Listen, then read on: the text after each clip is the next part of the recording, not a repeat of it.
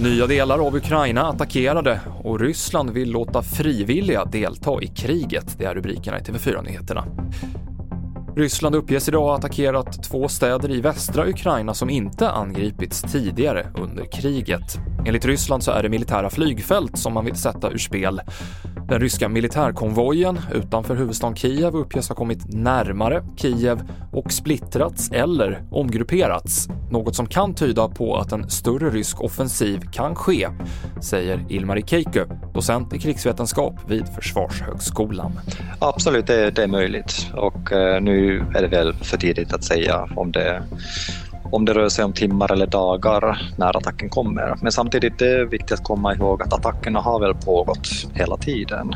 Det är bara att eh, ukrainare har lyckats försvara eh, sina positioner. Men som sagt, eh, enligt de här uppgifterna som kom idag så har striderna flyttats närmare huvudstaden Kiev. Så att Ryssland verkar ha gjort framsteg på den fronten nu. Det sa Ilmari Keiku på Försvarshögskolan. Rysslands president Vladimir Putin ställer sig bakom planer på att låta frivilliga från utlandet ansluta sig till de ryska styrkorna i Ukraina. I ett tv-samtal säger han att de som vill ska få hjälp att ta sig till konfliktzonerna. Ryssland hävdar att man fått in över 16 000 ansökningar, framförallt från personer i Mellanöstern som stridit på Rysslands sida mot IS. Ukraina vill få till nya försök till evakueringar av människor i den belägrade och hårt ansatta staden Mariupol i den sydöstra delen av landet.